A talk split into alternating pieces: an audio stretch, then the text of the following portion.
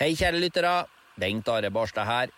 Jeg har jo et turprosjekt som heter For 2000 dager ute, og bor ute i norsk natur hele året, sammen med de fire Alaska-huskyene mine.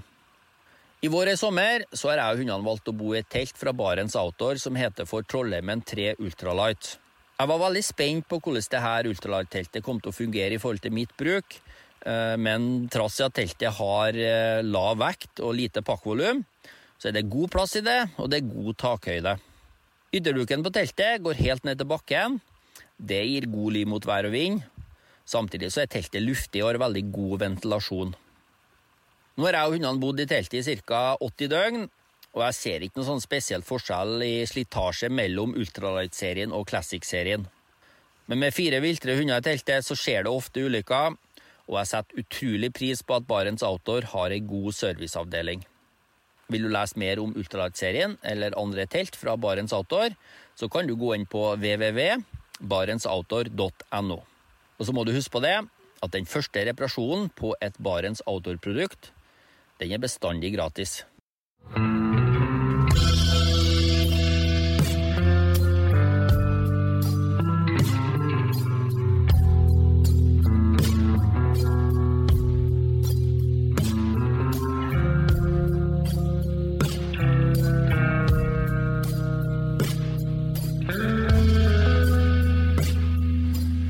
Hei og velkommen til podkasten Uteliv. Mitt navn er Randulf Valle. Mange har fulgt Jens Kvernmo og Isak Dreyer på eventyr på Grønland. Serien og eh, opplevelsene har gjort inntrykk. Men hvordan er det å være mannen bak kamera? I dagens episode så får du muligheten til å møte han som på eh, grønlandsferden til Jens og Isak gjorde jobben som normalt ville vært delt mellom kameraoperatør, lydtekniker, fotograf og regissør, mens han samtidig altså var på tur i polarområdene. Hjertelig velkommen til Øyvind Nordalnes. Tusen hjertelig. Mm. Og takk for sist, fant jeg ut uh, i opptrappinga til episoden her at uh, jeg måtte si Altså, uh, livet inneholder noen sånne møter som plutselig man treffer folk igjen etter veldig lang tid. Det skal vi snakke mer om etter hvert. Du er også klar som forfatter med rykende fersk bok fra grønlandsoppholdet. Gratulerer. Takk for det. Det er ikke mye ro og hvile når man er frilanser? Nei, det kan du si. Um, her er det jo både TV-produksjon og plutselig er man blitt forfatter etter å ha skrevet en bok, så det er jo Ja. Nei, det gjelder jo bare gønne på så mye man kan. Ja. Jeg fikk se boka først i går, har lest gjennom og ikke minst sett på bildene. Fantastisk dokumentasjon av Nord-Grønland i, også i stillbilder. Vi tar opp dagens episode der du holder til i Meråker. Det er nok ikke så vilt som Nord-Grønland, men vi sitter i en gapahuk, ser utover et jorde og noen rullende åser mot nord. Det er ganske fint her òg. Det er sykt fint her. Um, her er det jo god utsikt, som du sier. Trøndelag kan jo fort bli litt tett med mye granskog. Uh, og jeg er jo fra Finnmark, uh, så da trengte jeg litt mer space rundt meg, og så slått meg til her i Meråker, da, og trives jo veldig godt her. Ja, og da passer jo egentlig godt da med det faste åpningsspørsmålet. Har du hatt en fin tur eller naturopplevelse nå i det aller siste? Ja, det er jo mye på tur, da. Um, siste som jeg husker kanskje ekstra godt, var jo villreinjakt med noen kompiser på Hardangervidda. Ja. Det var litt villreinjakt og litt jobb. Mm. Um, så den Det var meditasjon. Veldig Ja. deilig. Det, Fant dere noe dyr, eller? du vet nå sikkert hvordan det er med den villreinen. Det er jo kanskje noe av det vanskeligste å jakte på, så um, vi så ingenting. Nei. vi så noen spor, da. Men uh, nei, det ble ingen fangst. Men Nei. sykt fin tur. Kom for ei uke ned igjen fra Dovrefjell etter å ha vært ti dager i Dovrefjell, Sunndalsfjella, og eh, ikke fått noen skuddsjanse på den eh, kalven som jeg skulle ha. Nei, nei, det er ofte sånn. Ja, og det, det var jo 50 avskyting i terrenget, og så tenker man at det betyr at du har 50% sjanse, men når jeg tenkte etter, det betyr ikke at jeg har 50% sjanse.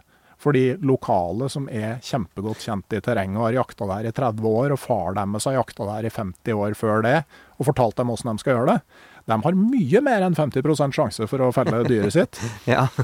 Og det betyr at eh, en som meg, da, som kommer utafra uten å være i nærheten av å ha det samme erfaringsgrunnlaget, antagelig har mye dårligere odds. ja. Jeg tror det er stor fordel der på, på, på villreinjakt å være lokalkjent, ja. Mm. Absolutt. Jeg er jo ikke kjent på Hardangervidda i det hele tatt. Det er helt nytt for meg, det. nå. Ja, og, og rett og slett på en måte ha den De har en sånn ro. Det er de som virkelig kan det. Så, så, sånn, eh, og da ender det påfallende ofte med at reinen kommer gående til dem. Ja.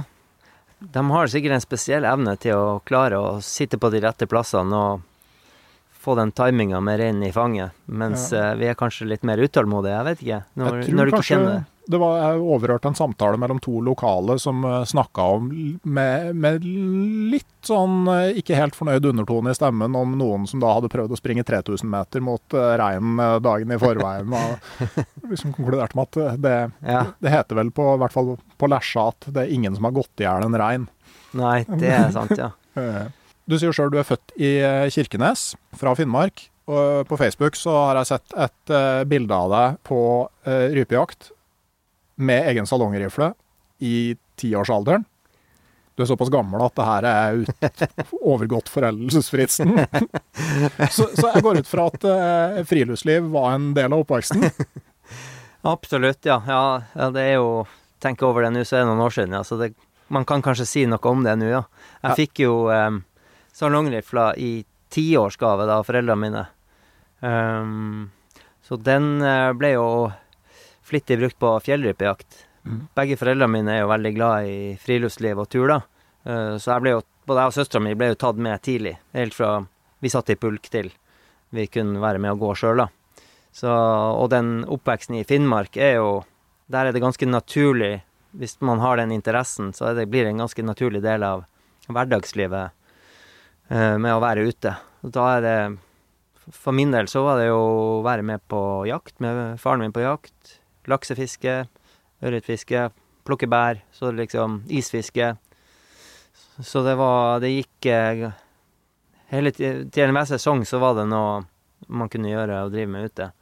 Um, Sånn, fa sånn høstingsbasert eh, friluftsliv, typisk. Ja, Veldig.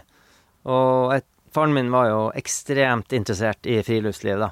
Og mora mi og det, da, men hun var jo ofte hjemme og var bekymra for at eh, vi ikke kom hjem når det var begynt å bli mørkt. Um, men da heiv hun seg rundt og lagde ryper, stekte ryper til middag og tilberedte liksom det vi hadde skaffa på, på jakt og tur, da. Um, så husker jeg spesielt den første rypa jeg skjøt i er jo fra Sandnes, Bjørnevatn, som Ja. er en mil utafor Kirkenes. Og det er ikke langt fra russergrensa der, og ikke langt til Pasvik. Eh, og faren min tok meg jo med på, på forskjellige turer, og den første rypa jeg skjøt, da var jeg ni år, husker jeg. da, ble jeg, da ble liksom hagla lagt an på ei furu, og jeg klemte av. Eh, og rypa datt, og det var jo Det var en ganske rar eh, følelse, egentlig, det der. Med en gang så var det sånn Yes, fikk en. Men da, jeg kom bort til rypa, så var det sånn Nei, men den er jo død. Den, den er faktisk stein død.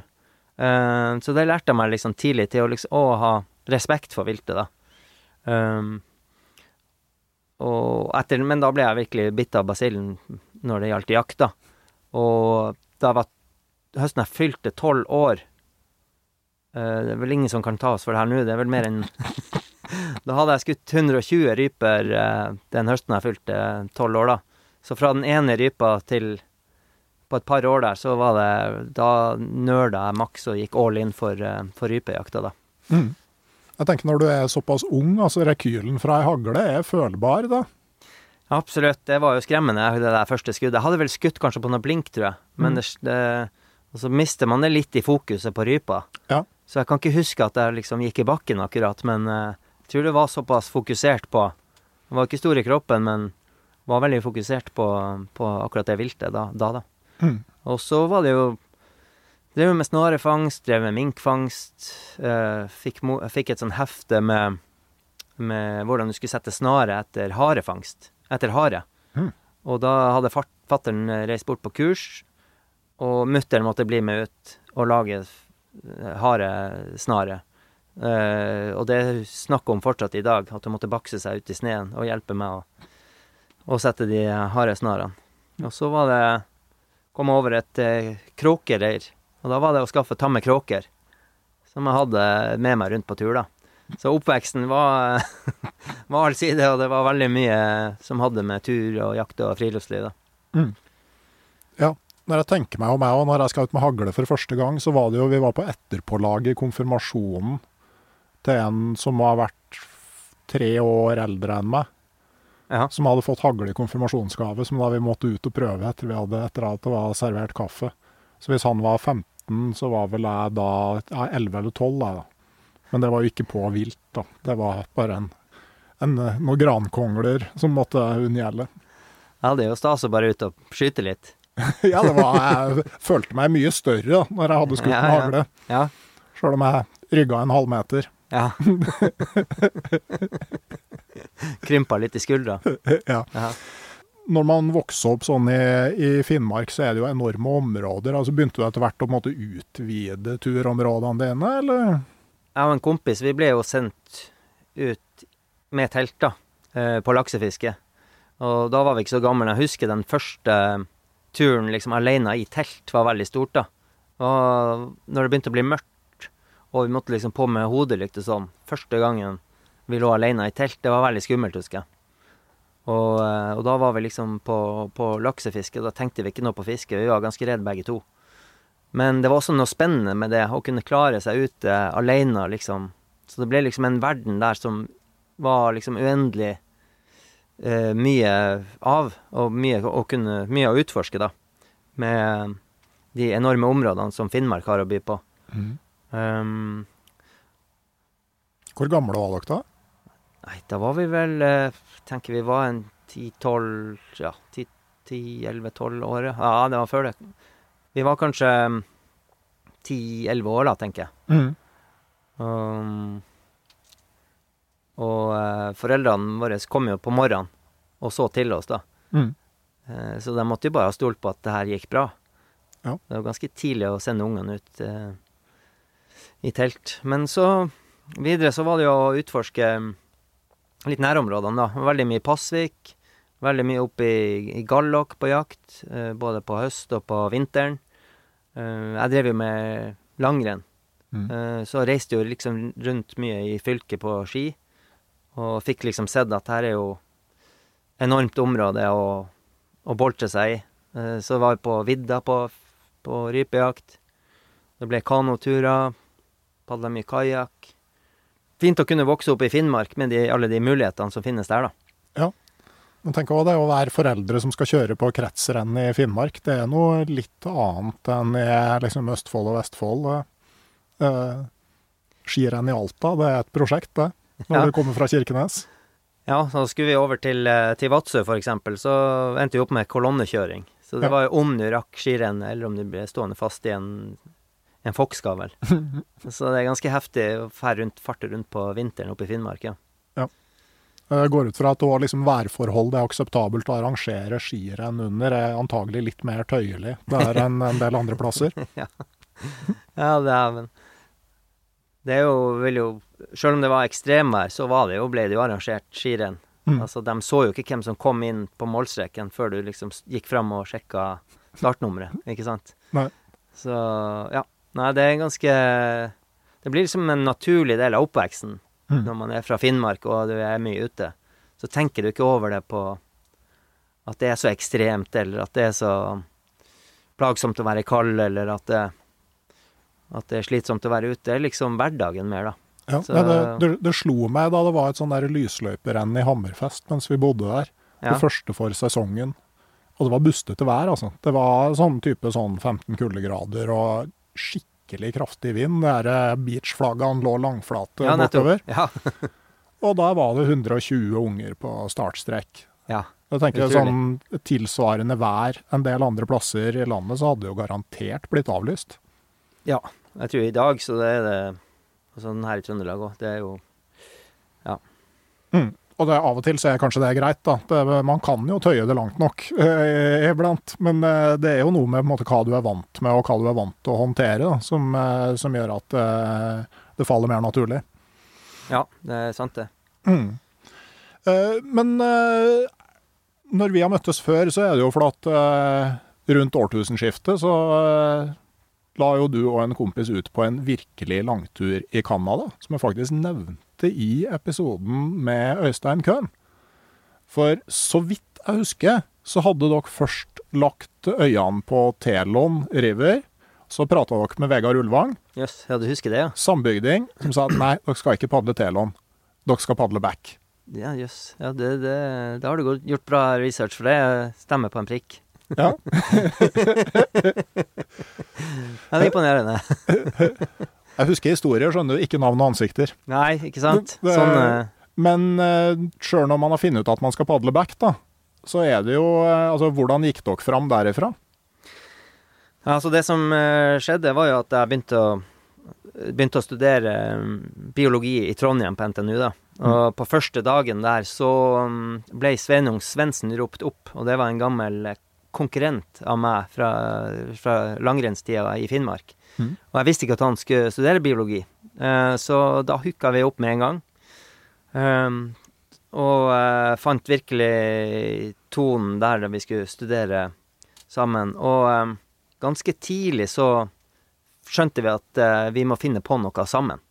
Familien min bodde i USA da jeg var rundt sånn 13-14 år. Og da dro jeg og faren min på en lang padletur bort i, i Yukon. Um, da var vi der i tre uker og padla Teslin River og endte opp i Yukon River. Og det liksom ga virkelig mersmak. Um, og faren min hadde alltid hatt lyst til å padle Telon River. Uh, på bakgrunn av uh, historien til Helge Ingstad, da. Så det var liksom også min drøm. Hvis, hvis det var faren min sin drøm, så var det min drøm òg. så det var litt sånn i ungdomstida. Så hadde jo Vegard Ulvang padla Telon. Og han er jo òg fra Kirkenes, og jeg kjenner jo han fra langrennsmiljøet. Eh, Så i en samtale med han, så sier han akkurat det du nevner der, da. At eh, det er jo Back River dere må padle. Eh, Så vi begynte å Ja, og han dro og besøkte Vegard i Oslo. Og um, han syntes jo det var veldig kult at uh, her var noen som ville uh, ut og utforske litt sånn i samme ånd som han, da. Og det vi fant ut, var at uh, Back River var jo lik, uh, langt over tregrensen.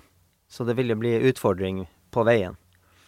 Um, så vi brukte liksom ett år på å planlegge den turen. Fra liksom april i 2001, sier vi reiste i juni eh, 2002. Og på det året der så hadde vi jo Vi var jo studenter, fattige studenter, så vi hadde jo ingen penger. Vi hadde jo noen stipend og kanskje noen studielån.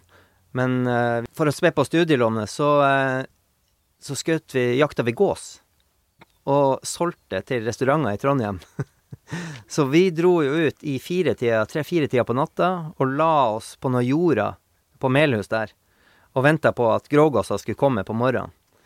Og da vi hadde liksom skutt oss tom for ammo og fått jækla mye gås, så var det å peise hjem og komme akkurat å rekke forelesninga liksom, som starta åtte-halv ni på NTNU på Gløshaugen. Og så, når, når um, forelesninga var ferdig, så var det jo til de her restaurantene å selge gås. Og sånn fikk vi liksom mer og mer inntekter. Og for å spe på enda mer, så eh, fikk vi oss jobb som avisbud på, for Adresseavisa. så, da, så da løp vi hele natta òg, i tillegg. Så da starta vi halv tolv på kvelden, og så kunne vi være ferdig liksom et kvarter før forelesninga begynte. Så å løpe med aviser og jakte gås, det var liksom vår måte å finansiere eh, Canada-turen på, da. Jeg har aldri før hørt om noen som har finansiert en eh, langtur eller ekspedisjon med gåsejakt. Nei. Nei, vi fikk jo 200 Jeg tror det var noe som heter Visevertshuset i Trondheim. Mm. Så hvis det er noen som har vært og spist der på tidlig 2000-tallet og fått noe sånn eh, grove hagl i tennene, så var det sikkert fordi Fordi de som vi hadde skutt, da. Men eh, det ga oss jo lite grann, og det var jo veldig gøy å, å gjøre det på den måten òg, da. Så da kom dere dere i veien, og så tenker jeg at det, så vidt jeg husker, da, så Eh, Det jeg har sagt om sånne langturer ofte, er at hvis du har veldig mye tid, så trenger du mindre penger. Og da, men husker dere er en av de få her borte som tok Greyhound-bussen fra Edmonton til Yellowknife? Ja, du husker sykt godt. Altså, det der er jo Jeg tenker på den turen der nesten hver dag, tror jeg, etter den turen. Det, var, det var helt spesielt å reise dit liksom i tidlig 20-årene med ekstrem eventyrlyst og med liksom Helge Ingstad under armen, den uh, pelsjegerlivboka. Mm. Så vi ville jo oppleve liksom litt av det, vi òg. Mm. Um, så vi fikk, jo, fikk jo billigste flybillett over, og så havna vi i Edmonton. Ja. For det var jo der Helge Ingstad lå, ikke sant? Og der tok han seg noe øl og, og snakka med andre fangstmenn og sånn, før de heiv seg på den der Atabaska-båten eh, nordover, da. Mm. For han kom til Store Slavesjø. Men det gikk jo ikke noe sånn båt lenger på den tida der. Så vi, da var det buss som egentlig var det nærmeste framkomstmiddelet. Så det jo, var, brukte jo et par døgn på å kjøpe Greyhound-buss. Og billetten var jo svinbillig. Det var ikke mye, det var, det var liksom noen hundre kroner Mm. for å komme oss til Yellowknife da i buss. Så det var liksom måten vi gjorde det på. Og um, Temmelig støl når du ramler ut av bussen i Yellowknife, antar jeg.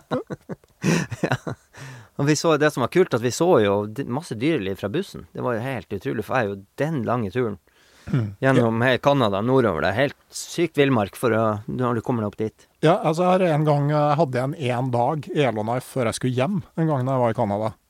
Eh, og jeg har jo aldri sett så mye dyr som når jeg leide en bil og kjørte rundt halve Store Slavesjø til Hay River og tilbake igjen. Nei, det vil jeg tro, ja. Ja, Ja. masse svartbjørn og bison og Ja, i hele tatt. Det, ja, jeg så mer bjørn på den turen enn på alle de andre Canada-turene til sammen. ja. Ja, man får liksom perspektiv når man reiser på den måten der òg, og ser Ja. hvor, hvor enormt stort det er, og hvor eh, mye villmark det er, og ville dyr det er der. Men så fløy dere ut da til, til Kildene. Ja. Uh, vi hadde jo ingen avtale om flyselskap, for det fikk vi høre at det ville bare ordne seg. Det var flust av flyselskap i, i Yellowknife. Og det var det for så vidt, men det var ingen som ville fly så langt. For du måtte liksom fuele en gang for Ja. å komme deg ut dit. Og vi ville jo dra til liksom kildene av Back River. Og bare for å si det at Back River er jo en av de få elvene, av de østliggående elvene, som renner ut nord nordover. Um, og ikke ender ut i Hudson Bay. Ja. Um, men det var vel en 400-500 km lang flytur for å komme seg inn, men det, alt var islagt. Ja. Ja, alt var islagt, og um, ingen ville fly. Men vi fikk et selskap som også hadde en annen flyging, som hadde flydd uten noe fuel. Um, så der fikk vi napp hos dem, og vi pakka inn alt utstyret i flyet deres. Vi hadde jo med kano hjemmefra, de lurte på hva det var. Mm. og, eh, og så lurte de på om vi hadde nok fuel med oss. Og vi bare Fuel? Hva, hva tenkte du på da? Nei, altså, det, det fins jo ikke trær. Det er jo ikke noe å brenne oppi der. Um, og da tenkte vi at jo da, det finner alltid noe kvist og noe lyng og et eller annet vi kan brenne. For det var målet med turen vår. Det var å gjøre det så enkelt og spartansk som mulig. Fiske mest mulig, skaffe det vi kunne Eller spise det vi kunne skaffe på turen. Og selvfølgelig ikke ha med fuel. Mm, For det ville jo være juks hvis vi liksom fyrte med, med brenner eller noe sånt. Det var det kun bål som gjaldt. og så fornekta han seg, han, eh, han piloten, og så kom han med en gallon Mm. med fuel til oss, da. Eh, og en brenner. Og da tok vi den med, men vi, vi, vi, tenkte at den skal vi ikke bruke. I det hele tatt. Men eh, vi fikk bruk for den av siste Siste par hundre kilometer når vi var ute på Ja, ja, for det er jo utrolig hvor goldt det kan bli når det virkelig blir goldt. mm. Ja. Ja. Ja, det er utrolig. Vi, målet vårt var jo å komme helt ut i Gjøa havn. Mm. Back River, det er jo fra Back River ender ut i havet der, så er det 200 km på sjø for å komme ut i havn. Mm. Og det padla vi, da. Vi, vi hadde bestemt oss for å gjøre det egentlig uansett. Mm. Så det var liksom målet for turen, å komme ut i Gjø havn. Og, og også ha tid sammen med, de, med inuittene som bodde der, for å også se hvordan de levde, og være litt med de, og få litt av den kulturen med på samme turen.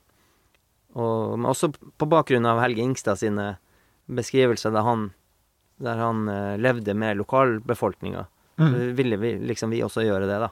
Mm. Um, så det var liksom utgangspunktet for turen, at vi hadde god tid i etterkant. Og det, det er jo godt å ha god tid underveis òg. Det er noen ganske voksne sjøer og sånn du skal over på back. Ja. Du har vel den der Gary Lake som er 150 km lang, tror jeg, eller noe sånt. Mm. Den største der. Uh, der kan jo blåse det opp der, så er det jo ferdig, egentlig, hvis du er midt utpå. Mm. Altså, det er jo såpass Det er så langt nord, og det er så ekstreme værforhold der at du må liksom ta de der eh, store innsjøkryssingene eh, når det er finvær, eller så må du snirkle der langs land. Og da må du ha nok tid Mm. på turen, ikke sant, for du vet aldri hvor lang tid sånne ting tar. Um, Nei, jeg mener å huske at dere hadde med sånn utriggere til kanoen Ja. for padleturen over til Ja, det- Johan. Husker jeg veldig godt. Ja, vi hadde med det. Mm. Ellie Kano hadde jo en, produsert sånne utriggere, da. Mm. Og, og så hadde vi jo spruttrekk på Mm. kanoen. Med, vi hadde jo padla veldig mye elvekajakk i Finnmark, da. Eh, så vi hadde også med oss eh, kajakkårer. Ja. For å ta de store strykene. Og Back River er jo Det er jo enorme stryk der. Det er ganske farlig fossefall og ting du ikke egentlig skal padle gjennom. Mm. Um, så å ha erfaring som Jeg jobba som refteguide i Øst-Finnmark, i Neiden, av alle alle Oh, ja.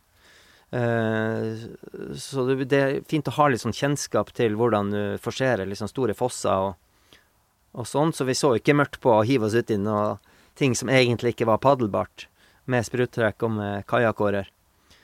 Um, og vi hadde noen eh, virkelig, virkelig skumle episoder, faktisk, der det kunne gått skikkelig galt òg. Mm. Uh, som egentlig var kanskje litt mer flaks. Så ville aldri tatt den risikoen i dag, men da var vi liksom i 20-årene og Det, det, det er noe med den der perioden tidlig i 20-åra hvor du liksom uh, er Altså, man har i hvert fall nok tro på seg sjøl innimellom. Ja. ja det, det gikk jo heldigvis bra, da, men det kunne ha gått skikkelig ille. Ja.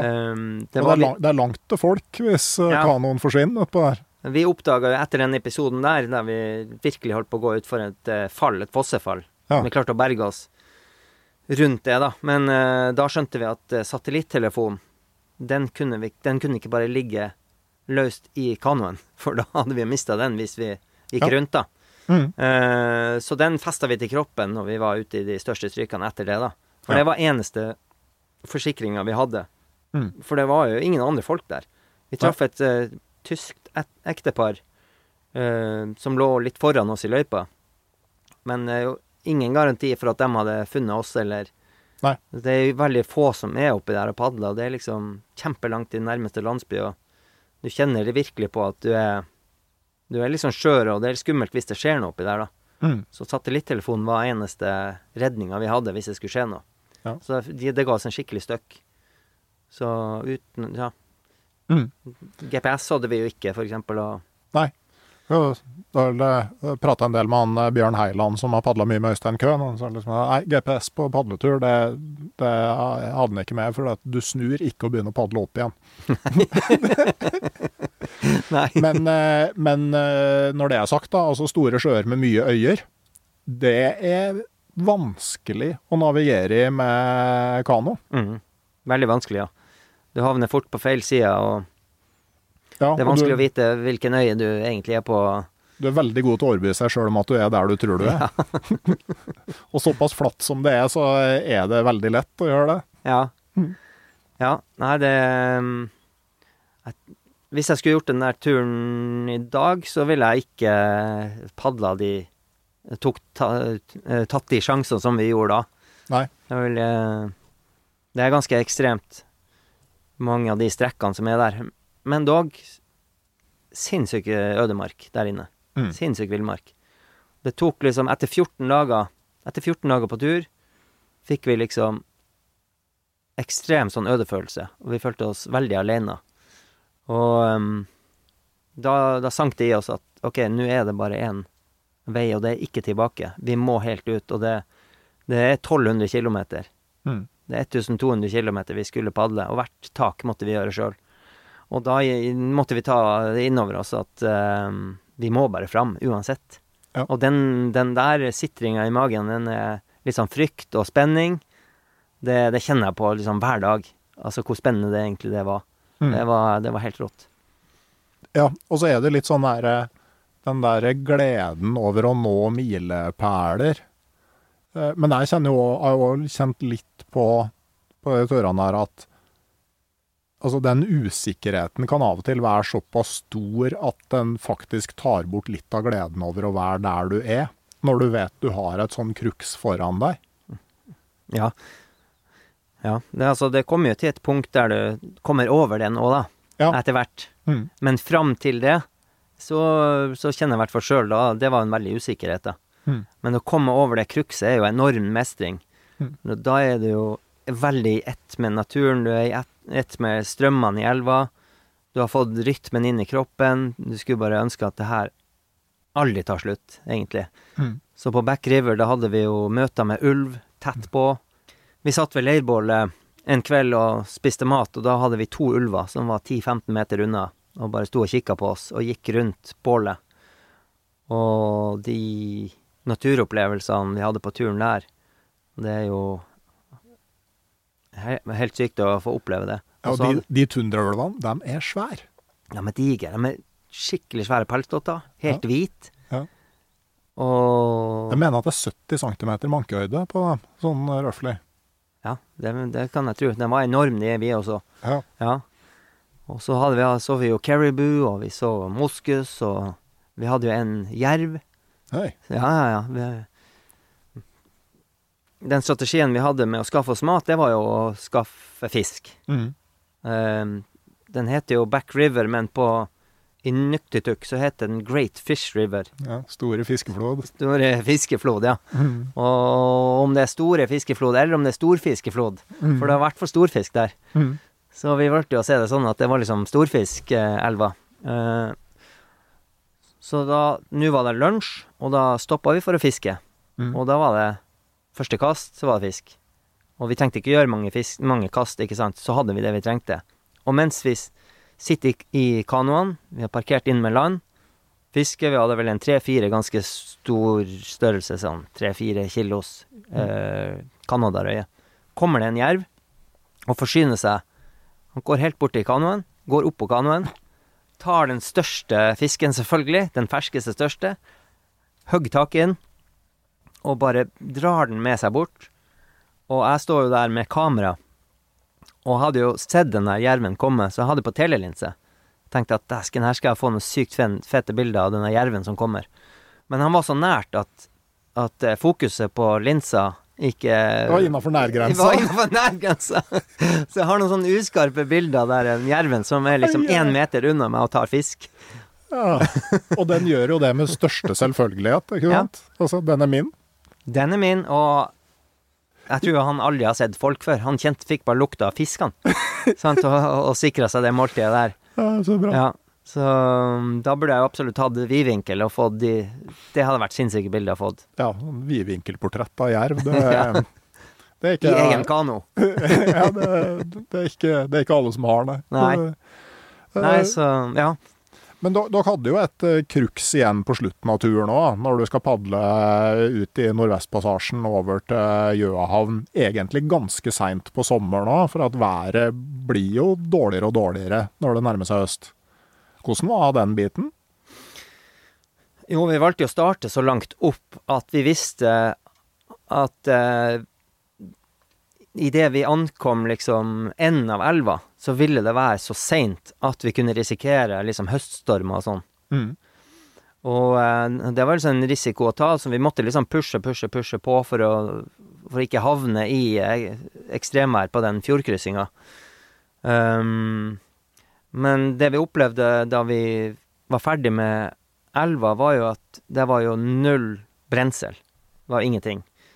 Um, så vi måtte ta i bruk denne her brenneren og den fjulen som vi Forsmedelig. Forsmedelig. vi brukte den bare med et par anledninger, da, så det var fortsatt eh, veldig mye igjen når vi kom fram. Men det var jo stor usikkerhet eh, eh, rundt den der eh, havkryssinga, da. Og eh, vi hadde jo ikke bunkra opp eh, ferskvann da vi forlot elva. Og tenkte at det he kommer helt sikkert noen elver eller noen bekker inn fra sida som vi kan drikke av. Um, men det oppdaga jeg at det var jo Det var ingen ferskvann. Ingenting. Det var bare svaberg utover, og det var bare sånn arktisk miljø utover fjorden der. Og da vi skulle krysse den siste biten fra det siste punktet på fastlandet over til King William Island, mm. um, så hadde vi ikke noe vann. Ingenting. Så fant vi en sånn sølepytt, som heldigvis der var noe vann. Vi smakte, smakte på det, og det var ferskvann. Og da fylte vi sånne vanntett-poser med vann sånn at vi skulle ha for hele den turen over. Og hele den kryssinga var vel en noen og 30-35 kilometer, kanskje, hele den turen vi skulle ut i åpent hav. Du føler deg liten i en Ally-kano når det er 15 km til land på begge eh, retninger? Ja. ja. Og det, vi så jo isfjell i det fjerne der, og her er det liksom veldig nært Nordpolen, egentlig, da. Og der skulle vi krysse i kano. Så, men vi så ikke mørkt på det, for vi hadde jo skaffa oss vann. Mm. Og midt utpå der så var det ei lita øy. Og vi tok inn der for å liksom hvile litt, og der drakk Belma han ned på sykt mye av det vannet. Han Sveinung der. Mm. Og, um, og så starta vi å padle igjen, for det her var midt på natta. Vi var ganske heldige, det var ikke så veldig mye vind. Og han Belma ned på vann der, og tok det ikke lang tid før han ble dårlig i magen. Så midt ute mellom den øya der og Gjøa havn, så eh, får han akutt sånn sprutskjettal. Og da var det frem å finne fram en pose, så prøvde han først å eh, gjøre fra seg i den posen. Men det var ikke så lett, og så prøvde han å komme over ripa, og da gikk ikke det heller. Og så måtte vi støtte han sånn at han kunne holde i mi åre. Og ut på sida med den, eh, den der eh, posen vi hadde, så fikk han klemt ut eh, proppen, da. Mm. Og, og det der foregikk liksom i flere timer. Oi. Flere timer med diaré, og det var jo Han hadde jo sinnssyke smerter, da. Mm. Men eh, vi klarte å komme oss fram, og vi kom i land, og vi kom inn til Gjøa havn. Og da bar det jo med han rett på sykestua. Så der ble han liggende i tre-fire dager med det de tror var liksom eh, vannforgiftning, da. Mhm. Så det er sannsynligvis noe sjøfugl eller et eller annet som har eh, vært og gjort fra seg den lille vannpytten. Mm. Så han fikk jo fire liter med intravenøst med, med kalium og natrium, natriumklorid og, før han kom seg igjen, da. Så hadde det skjedd tidligere, så vet jeg ikke hva som hadde skjedd, altså. Det var, det var ganske akutt. Ja. Men han fikk den hjelpa han trengte der, heldigvis, da. Men eh, ja, det sier jo litt om hvor skjørt det er der oppe. Ting som er en bagatell når du bare kan ringe på St. Olav, det, det kan plutselig være livstruende der ute. Ja. Mm. Så det var jo vår egen uoppmerksomhet, da, at det ikke Mhm. Jo da, men, det er litt sånn, ikke sant Eh, Før eller seinere er det noe du ikke har tenkt på. mm, Uh, og det virker jo innlysende at ja, man tar med seg ferskvann før man forlater elva, men det liksom, ja, det- det kommer jo sikkert noen bekker ut i altså, et Ja. eller annet sted, ikke sant? Det er ikke noe, det er ikke Det noe er ikke noe sånn uvanlig, det. Nei, det er liksom ikke noe sånn urealistisk forutsetning. Nei. Så, eh, men eh, ja det, Men da kom dere til Gjøhavn, da. Hvordan var det å komme dit? Nei, det var jo Der ble vi jo veldig godt mottatt. Mm. De var ikke vant til å få folk padlende inn i kano der? Nei, det hadde de aldri opplevd. Nei. Jeg, jeg jeg vet ikke hvor mange som har gjort det der, altså. Det er jo Det er, det er sikkert noen, men det er ganske sånn crazy påfunn egentlig å padle med kano ut dit. Folk har vel kommet med båt, og, og, og dere var jo der på vinteren. Ja. ja. Så Nei, vi ble veldig godt mottatt, og vi fikk være Det første vi var vitne til da vi kom inn til Gjøa havn, det var jo to inuittkoner som drev og, og parterte og tilberedte sjørøye Ja. som de snitta opp med de her uluene sine, de her eh, avrunda knivene, Ja. som de skjærer ut sånne fine fileter. Så splitter de de sjørøyene, og så vrenger de dem sånn at de sitter fast i sporen. Mm. Og så tar de de, henger dem over til tørk på sånne stativ de henger utfor husene sine. Og det var så mye fisk, fra liksom fra 5 til 15 kilo, tenker jeg, med sjørøye. Mm. Og det, det, når de henger opp de der, så renner fettet av dem. Ja. Og den er så feit, den sjørøya der oppe. Mm. Og så så svær som den var. Så da, da tørka de den, og så frøys de den og, og hadde vinterforsyningene sine. Mm. Og så gikk, gikk vi litt lenger ned i gata. Der var en kar som tilbredte en sel han har vært og skutt. Mm. Og så var det folk som drev med hvaljakt der. Ja. Og så var, så var det et lite samfunn som uh, med inuitter, som fortsatt Noen av dem levde på, på gamlemåten med, med fiske og fangst. Men uh, ja. Så Mm. det var Det var veldig kult å møte den kulturen liksom på ekte òg, da. Mm. Og så, så da brukte vi den tida å være med dem. Det som var spesielt med de folkene som bor i Gjøahavn, var jo at de var liksom tvangsflytta ut dit. På liksom på 50-tallet, forsto jeg, som midten av 50-tallet, da, da det var sult oppi der, og, og Caribbean som ikke kom. Ja. Så det var såpass ille der at de måtte, fortalte dem at de måtte spise rev. Mm. Uh, og da var det flere av de her eh, Da bodde de jo på Back River. Ja. Det, de, det, folkeslaget som bodde på Back River, de kaller seg jo for klebersteinsfolket. Ok. Ja. Og, um, og mye kleberstein langs, langs Back River der, og som de bruker nå til å, å karve ut sånne skulpturer på, som Mm. som er litt sånn tradisjonelt der, da. Og vi så jo flere tegn etter de på, um, på elva. Ja. Fangstfeller som de hadde brukt til å fange de sjørøyene med. Mm. Det var også sirkler etter telt. Ja, bålplasser. Bålplasser sikkert. Og, Mm. og, og så var det også sånne, sånne menneskelignende steiner som står med liksom Inuksjuk. Inuksjuk. Ja. Inuksjuk, sånn rester av Inuksjuk. Ja. Som sto på sånne strategiske punkter som skulle simulere at det var mennesker når reinen kom trekkende. Mm. Så skulle det lede villreinen til jegerne, eller til en, en felle, eller til et punkt der de Mm. tok reinen i bakhold. Ja. Og det så vi langs elva der. Mm. Um, og noen av de vi møtte i Gjøahavn, kunne fortelle at de hadde vokst opp på Back River. Ja. De hadde vokst opp der og, eh, og levd på den måten. Så det var kult å få være vitne til å møte de folka som faktisk hadde levd der. Men, men den der eh, sultperioden og det gjorde at de ble flytta ut til Gjøahavn. Så sånn som i dag, så er det jo ingen som bor der. Nei. Men fram til liksom midten av 50-tallet, Mm. så bodde de uh, permanent uh, liksom i Back River-området og fangst av fisk. Det var jo tilsvarende bosetninger nedover Telon, og dem ble jo faktisk flytta, som levde nomadisk der helt til 80-tallet. Eh, Da møtte vi Keith Avala, tror jeg han het, eh, som da hadde kommet inn til Baker Lake sammen med bestefaren. De hadde holdt seg i live med å fiske gjennom isen, helt Yes. til de liksom krøp til korset og dro inn til Baker Lake. Og hele Ja. den der inuittkulturen, innlandsinuittkulturen, det er kanskje det aller mest imponerende, syns jeg. For at, altså, de har jo ikke sjøpattedyrene. Så én ting er jo maten, men de har ikke brensel. Altså, ikke sant? Harpunerte du en hvalross, så hadde du jo eh, fuel for hele vinteren. Men der, så, når du bor inne på eh, tundraen, så har du Jeg leste om det at det kunne gå liksom et par uker mellom hver gang de fyrte et bål. Og ellers så var det da rå, rå frossen mat. Og, Ja, det er helt utrolig. så så det, det er en ekstrem kultur, altså. Ekstrem tilpasning. Ja, det, det er det.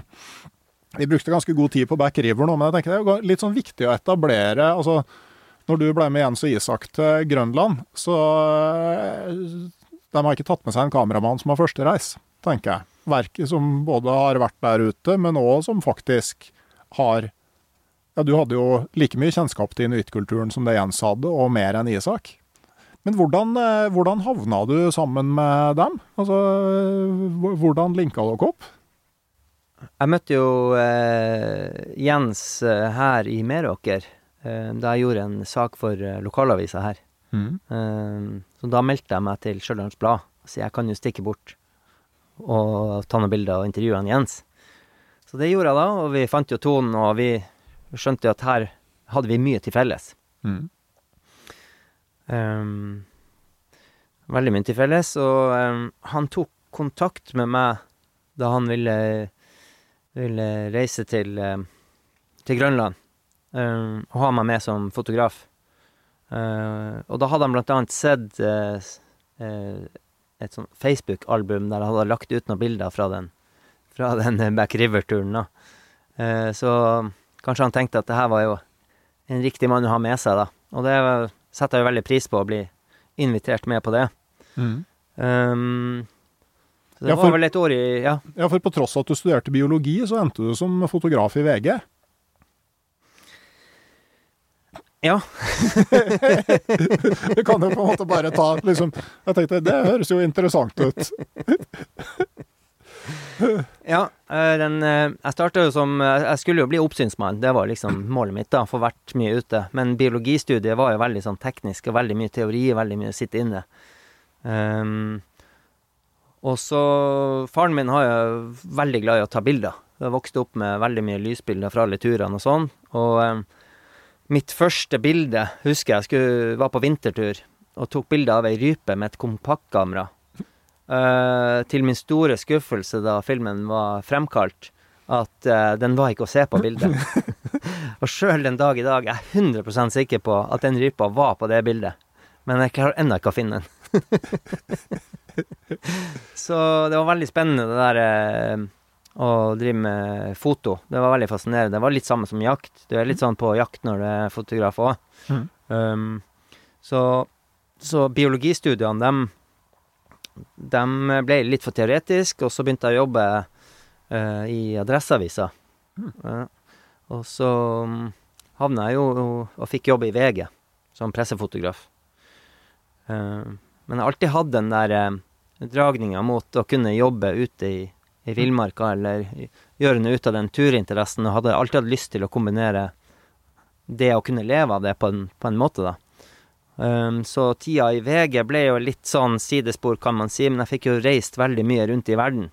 Mm. Møtt veldig mye folk, og fikk virkelig prøvd meg som fotojournalist og historieforteller liksom i Norges største mediehus Mm. over mange år, og fikk mye rutine på det. Og mens det var jo en fast jobb, og det ga meg jo samtidig eh, også fritid. Mm. Så da begynte jeg jo med hundekjøringa. Ja, og da hadde du plutselig ikke noe fritid lenger. Nei, så, så da brukte jeg all fritida mi på hundekjøringa. Ja. Um, men med en fast jobb så ga det meg mulighet til å faktisk kjøpe hunder, og jeg reiste jo til, til eh, Alaska og kjøpte tre relativt ganske dyre hunder, men det var liksom fra toppkjørere der borte, fra Jeff King og Lance Mackey og Joey Reddington. Og de hundene Det var liksom en drøm jeg hadde, og, som jeg ville følge etter, da. Det var jo å få um, se hvor gode var de, de, de beste trekkhundene egentlig var, da. Og Mm. de fikk jeg jo hjem hit til Norge, som jeg har avla på videre. Og, og jeg ble jo obsessed med å, å drive med hundekjøring. Det ble jo en, virkelig en livsstil. Mm. Um, men eh, det var liksom jobben som gjorde at jeg kunne også dyrke fritida. Og så jobba jeg i VG fram til 2016, for da la de ned alle lokalkontorene sine. For da jobba jeg i Trondheim Mm. som eh, fotojournalist der. Og em, det åpna jo egentlig opp muligheter for å tenke litt nytt igjen, da. Så fra, fra den tida der så ble jeg jo frilanser. Og tenkte at her må jeg også lære meg mer TV og video. Sånn at jeg har flere bein å stå på. Og det ga jo også meg en mulighet til å drive med friluftsliv og samtidig jobbe som fotograf. Så jeg tok kontakt med Sveinung Svendsen, som jeg var i Canada med. Og han hadde jobba mange år som TV-fotograf. Og så hadde jeg alltid vært misunnelig på han når han var på 71 grader nord. Mens jeg, for, mens jeg var på pressekonferanser og på Lerkendal og kjendisportretter og sånn, så gjorde han, han egentlig akkurat det samme, men han, eh, men han var ute på tur. Mm. Så jeg var veldig fascinert av det, og tok kontakt med han. Og han linka meg opp videre til eh, TV-folkene, da. Som gjorde at jeg fikk være med på, som fotograf på 71 grader nord. Og da kjente jeg virkelig at eh, her var jo jeg i mitt rette element, der jeg kunne både være på tur og, og jobbe, da. Mm. Men eh, det også var veldig fint å ha den bakgrunnen eh, som fotojournalist, med å starte som TV-fotograf. Og så balla det jo på seg. Det ble jo mer reality-TV. Var jo med Lotepus i flere år på tur. Og var jo også med Monsen på villspor. Og Lars Monsen har jo vært et forbilde fra tidlig i ungdomsårene. Så det var jo kult å få være med på og se hvordan det foregikk. Og så fikk jeg jo mulighet da å være med Jens og Isak eh, til Grønland. Mm. Um, og, og jeg tror også jeg ble invitert med, ikke bare siden jeg var fotograf, men også med den bakgrunnen jeg har, da. Fra som, som frilufts- og hundeperson og Ja, jeg tenker jo ikke så mange som kunne tatt den jobben, for det Altså jeg, Bare sånn om du skal jobbe med foto på en helt vanlig tur. Altså, du må være komfortabel i settinga for å klare å gjøre en jobb. Og her skal du jo på en måte være komfortabel i et miljø som er mer ekstremt enn det vi har her. Samtidig som du har en jobb du skal gjøre. Også som jeg sa innledningsvis, altså Jens og Isak hadde med seg deg. Eh, og sant, da skal du tenke både kamera, lyd og regi samtidig, mens det normalt ville være fordelt på flere personer. Altså, hva eh, Også i tillegg så er konseptet et typisk Jens-konsept. Dra dit og se hva som skjer. Hva kunne du planlegge på forhånd? Ja, ikke sant. Um, For du skal jo på en måte ikke bare filme hva som skjer. altså Det skal bli en historie, den skal ha en spenningskurve. altså TV har jo på en måte sine krav. altså Hvordan løser du det når, når eh, så lite er planlagt? ja, altså, jeg har jo vært med på uh, flere større TV-produksjoner, sånn som 71, og der er vi et veldig stort crew. Mhm. Men der er, vi jo, der er det jo 50 folk i produksjon, ikke sant? Og der er vi gjerne fire fotografer, det er to lydmenn, det er en egen som er på regi, det er et helt sikkerhetscrew, det er lege. Ehm, alt det her ser man jo ikke når man sitter og ser på 71 grader nord eller tilsvarende TV-produksjoner. Da er jo hele det crewet bak kamera.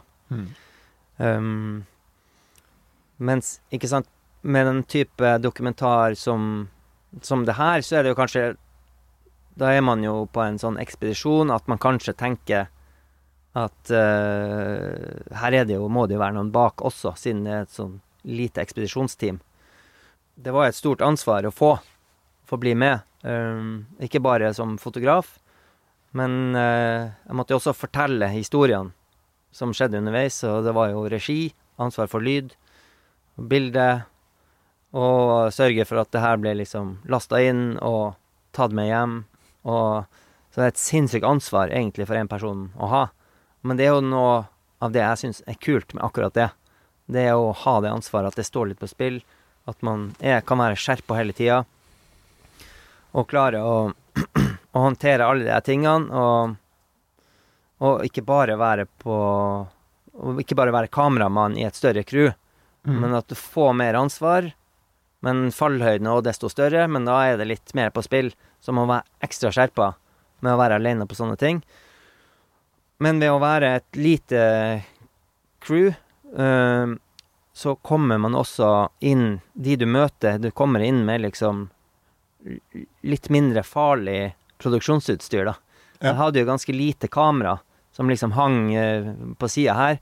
Stedet, jeg hadde også med meg et stort, et større liksom, TV-produksjonskamera, eh, som vært, etter hvert pakka bort, fordi det Folk ble altfor oppmerksom på det kameraet der på Grønland.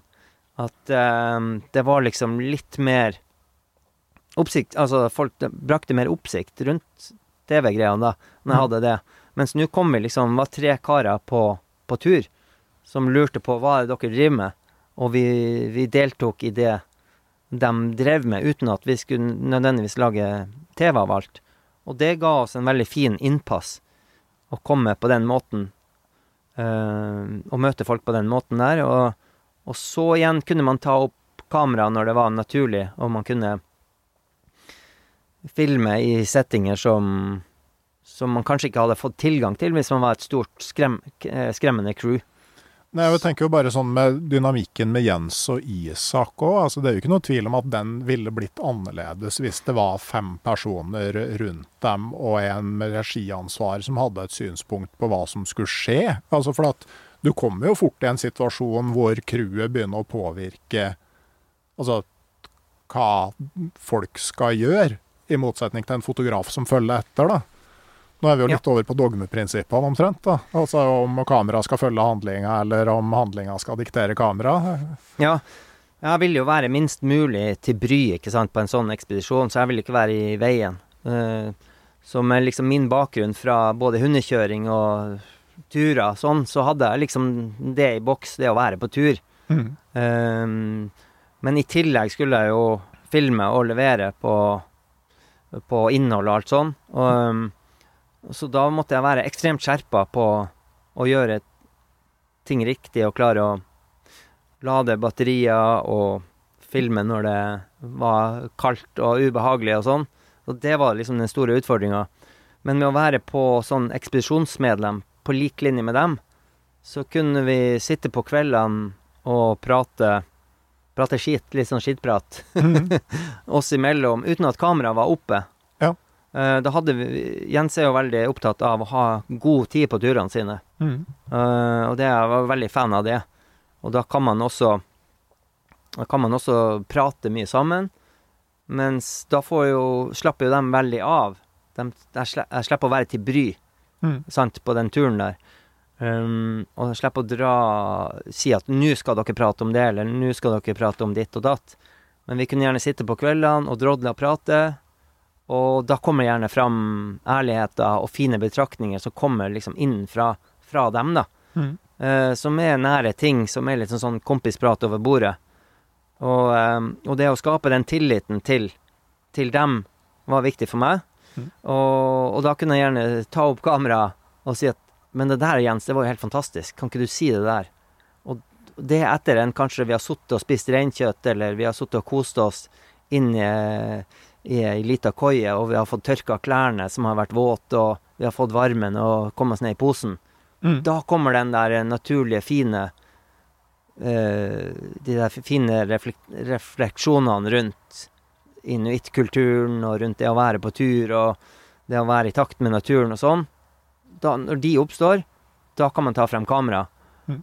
Mens hadde det vært et stort crew som kom inn der, og som sagt, nå må dere fortelle om inuittkulturen, liksom på På kommando? På kommando. Mm. Så, ikke, så blir det noe annerledes når du er et så lite tett crew, da, som er absolutt en stor fordel, tenker jeg, da, på, ja. på den, type, den, type, jobb som det. Ja, jeg leste jo i boka at eh, noen av scenene, sånn som inne i de hyttene når du kommer rett utafra, er filma på iPhone. Ja. Mm. Det, en, det er jo utfordring med kamerautstyr i kulda, sant? Mm. For da kommer du ut fra 30 minus og skal inn i 25 pluss, mm. så blir det krøll. da blir det kondens. så i starten hadde jeg et utekamera, et innekamera. Men så filma jeg jo ute med begge. Og da kunne jeg jo ikke ta noen av de inn. Nei. Og det var jo Det var jo da de magiske scenene oppstod, faktisk. Når uh, de der hvalrossjegerne uh, lager Koker hvalrosskjøtt. Mm. Med dampende gryter, ikke sant. Med veldig varm, 25 varmegrader inn, inne. Og kameraet dugger med en gang. Du skjønner at her tar det i hvert fall en halvtime, 40 minutter før mm. kameraet er klart, er klart og varmt nok. Ja, minst. Mm. For det var iskaldt, ikke sant. Og da var det bare å finne opp telefonen, da. iPhone. Faktisk. Ja. Mm. Så um, mange TV-produksjoner blir redda med iPhone. Ja, det og sånn er det bare. Man må ja. bare ta det man har, og skjønne at uh, det der kommer aldri til å tine. Og heller få det øyeblikket som er der og da. Jo da, men jeg tenker jo altså Sånn hvis du går tilbake til å padla back river, da. Hvis, hadde, hvis, du hadde fått en iPhone levert i hånda da, med den videokvaliteten og den bildekvaliteten digitalt, hadde jo omfavna det med én gang. Liksom Trenger vi ikke å ha med mer enn det her på tur, og litt batteri? Nettopp. Det hadde jo grusa alt som var kamera på den tida der, det. Ja. Det er så, så er utrolig åssen det utvikler seg. Men, men sånn, altså øh, de forskjellige episodene i en sånn serie får jo et tema og en dramaturgi og ei spenningskurve. Altså, hvor tidlig skjønte du på en måte hva For du må jo ha tenkt episoder ganske tidlig. Altså sånn, Hvis du skal være der i tre måneder, så kan du ikke bruke to måneder på første episode, og så må du, har du ei uke på hver av de siste. Altså sånn, Hvor tidlig ser du på en måte hva episodene skal handle om? Ja, altså alle TV-produksjoner Skal du ha en virkelig god TV-produksjon, så krever det jo eh, forarbeid. Det gjør det. Um, og jo bedre forberedt du er på det uforberedte, jo bedre blir også det uforberedte mens du er der. Mm. Så, um, så Så å, kun, å vite hva som, er, hva som er, kan skje på en sånn ekspedisjon, en tur, hva som kan skje med utviklinga med hundene, det, hvilke, hvilke, hvilke utfordringer er det vi ville møte, hvis du klarer å forutse de tingene der, um, så vil du stå sterkere i det du skal fortelle den historien, ikke sant? Så det handler om, om forarbeid og sette seg inn i det. Det her var jo en NRK Tyholt-produksjon, da. Mm. Um, så der var vi et lite team som satt og drodla hvilke hvordan denne serien skulle bli, hva vi potensielt kunne få. eh, hvilke linjer er det vi skal følge gjennom hele serien. For her var det jo ikke bare to gutter som var på tur og syntes det var kult å komme til et nytt sted. Vi måtte jo også- også fortelle noe som seeren syntes det var kult å følge med på, da. Mm. Og um, da var det jo de historielinjene som f.eks. de skulle ordne seg eget hundespann. Mm. Så da eh, er det jo veldig mye knoting i starten, og starte helt på scratch. Sant, med at um, Grønlandshund, hvem er det? Aldri møtt en grønlandshund. Sant? Sånne ting som man ser i, i serien. Og så til det å liksom klare å skaffe seg eget hundespann, eller få innpass hos Otoku der. Mm. Som igjen utløste at Jens fikk låne et helt hundespann. Isak fikk kjøpt seg noen hunder, og så ser man den utviklinga helt mot slutten.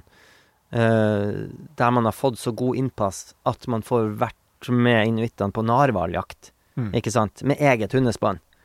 Og da Den var jo langt over det vi hadde klart å sett for oss egentlig ville skje i, for, i forberedelsene, da. Uh, så det var jo ei linje som vi var liksom forberedt på. Og så var det ei anna linje, var jo liksom Isak. Det her var hans første tur. Mm. Så han snekkeren og fiskeren som har vært mye ute, ikke sant. Men han har ikke vært på sånne ekspedisjoner og reist i utlandet på den måten der. Så lenge borte. Så lenge borte, ja. Sant? Mm. Så lenge borte. Mm. Så det var det som var nytt for han. Mm. Og så var det jo om Jens eh, ville klare å, å kjenne at han virkelig ble en inuitt, da. Mm. Sant? Om han klarte å kjenne, få den følelsen sjøl. Mm. Og det er jo liksom tre linjer som det, Vi visste at det var det serien ville handle om. Mm. Og, og det er på en måte planen når man reiser dit. For det er det som man er sannsynlig å få oppleve der, da. Ja. Og da er det jo viktig for meg som regissør at jeg hele tida er fokusert på historien, Mm. og klarer å fortelle den helt fra start. Den må ha en god start, og den må ha en god avslutning. Mm. Og så gjelder det hele tida å klare å følge den underveis, for å se om det er en utvikling. Ja. Og da må du være ekstremt skjerpa. Da er det ikke bare å være fotograf for å filme. Så da må du ha regihodet og for, en i det, og hele tida ligge i forkant på hva som kommer til å skje. Du må være godt forberedt. Mm. Men samtidig så gjør du det litt enklere, ikke sant, på en måte Det her hører til historielinja, det må jeg ha.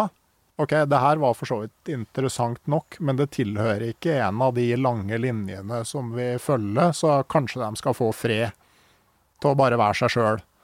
Ja. Akkurat nå. Vi trenger ikke fram med kamera og dokumentere det her, for at det hører ikke til en av de historielinjene vi følger. Det er et veldig godt poeng. det kan man gjøre når man har så god tid, da. Mm. Og jeg tror jo de gangene du legger bort kamera, eh, det er det som skal til for at du får de unike scenene. At du ikke er en sånn pain in the ass som skal filme absolutt alt og slite ut de du er med på, de du filmer. Ja, ikke, spesielt de lokale som måtte, aldri har bedt om å få bli en del av en TV-produksjon. Ja, nettopp. Ja. Mm. Og så ikke, ja, ikke slite dem ut.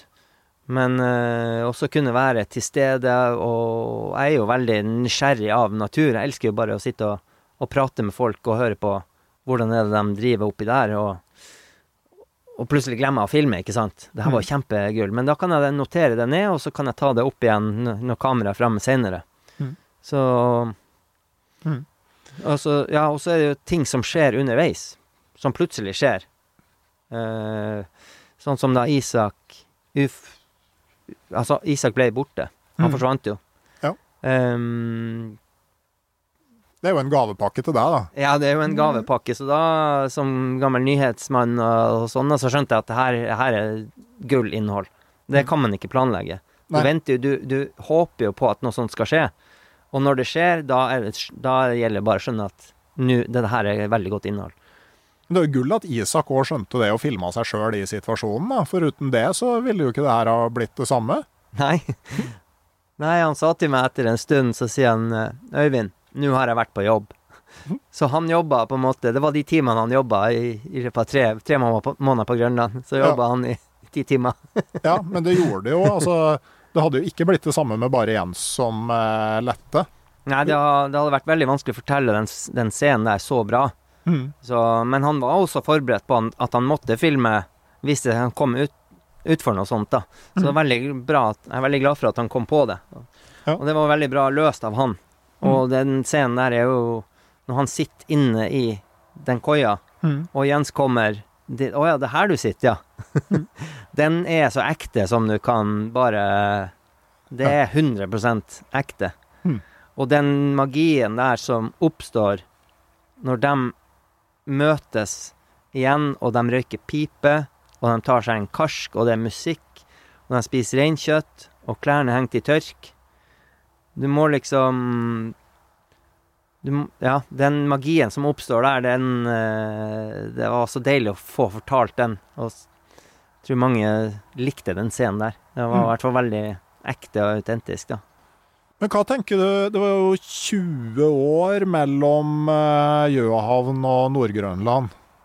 Djupest sett den samme kulturen, inuittkulturen.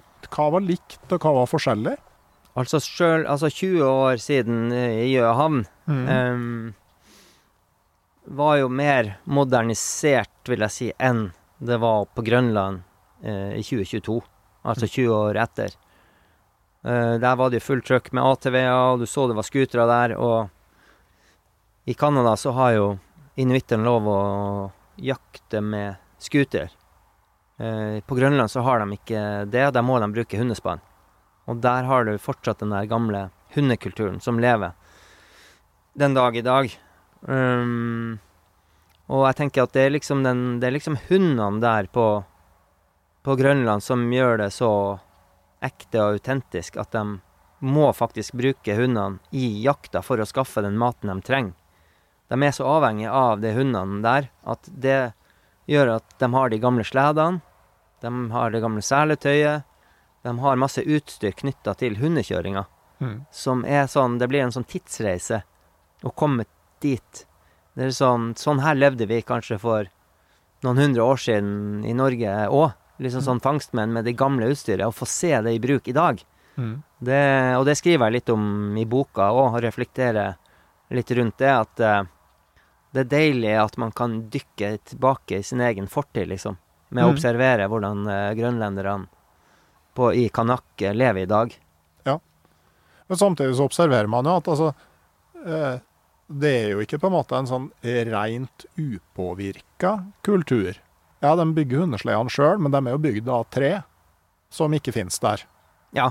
Med teflonmeier. Ja. Sånn at uh, Og de har jo nylontau istedenfor skinn, skinntau. Ja. Men eh, Og så har de jo Det er jo dårlig nettdekning der, men eh, de har jo Facebook. mm, Altså, de, eh, de har jo Noen har vel Instagram, men de er liksom Det, det, det er liksom der ligger hovedforskjellen med oss i dag, at de er omskåret øh, resten av verden.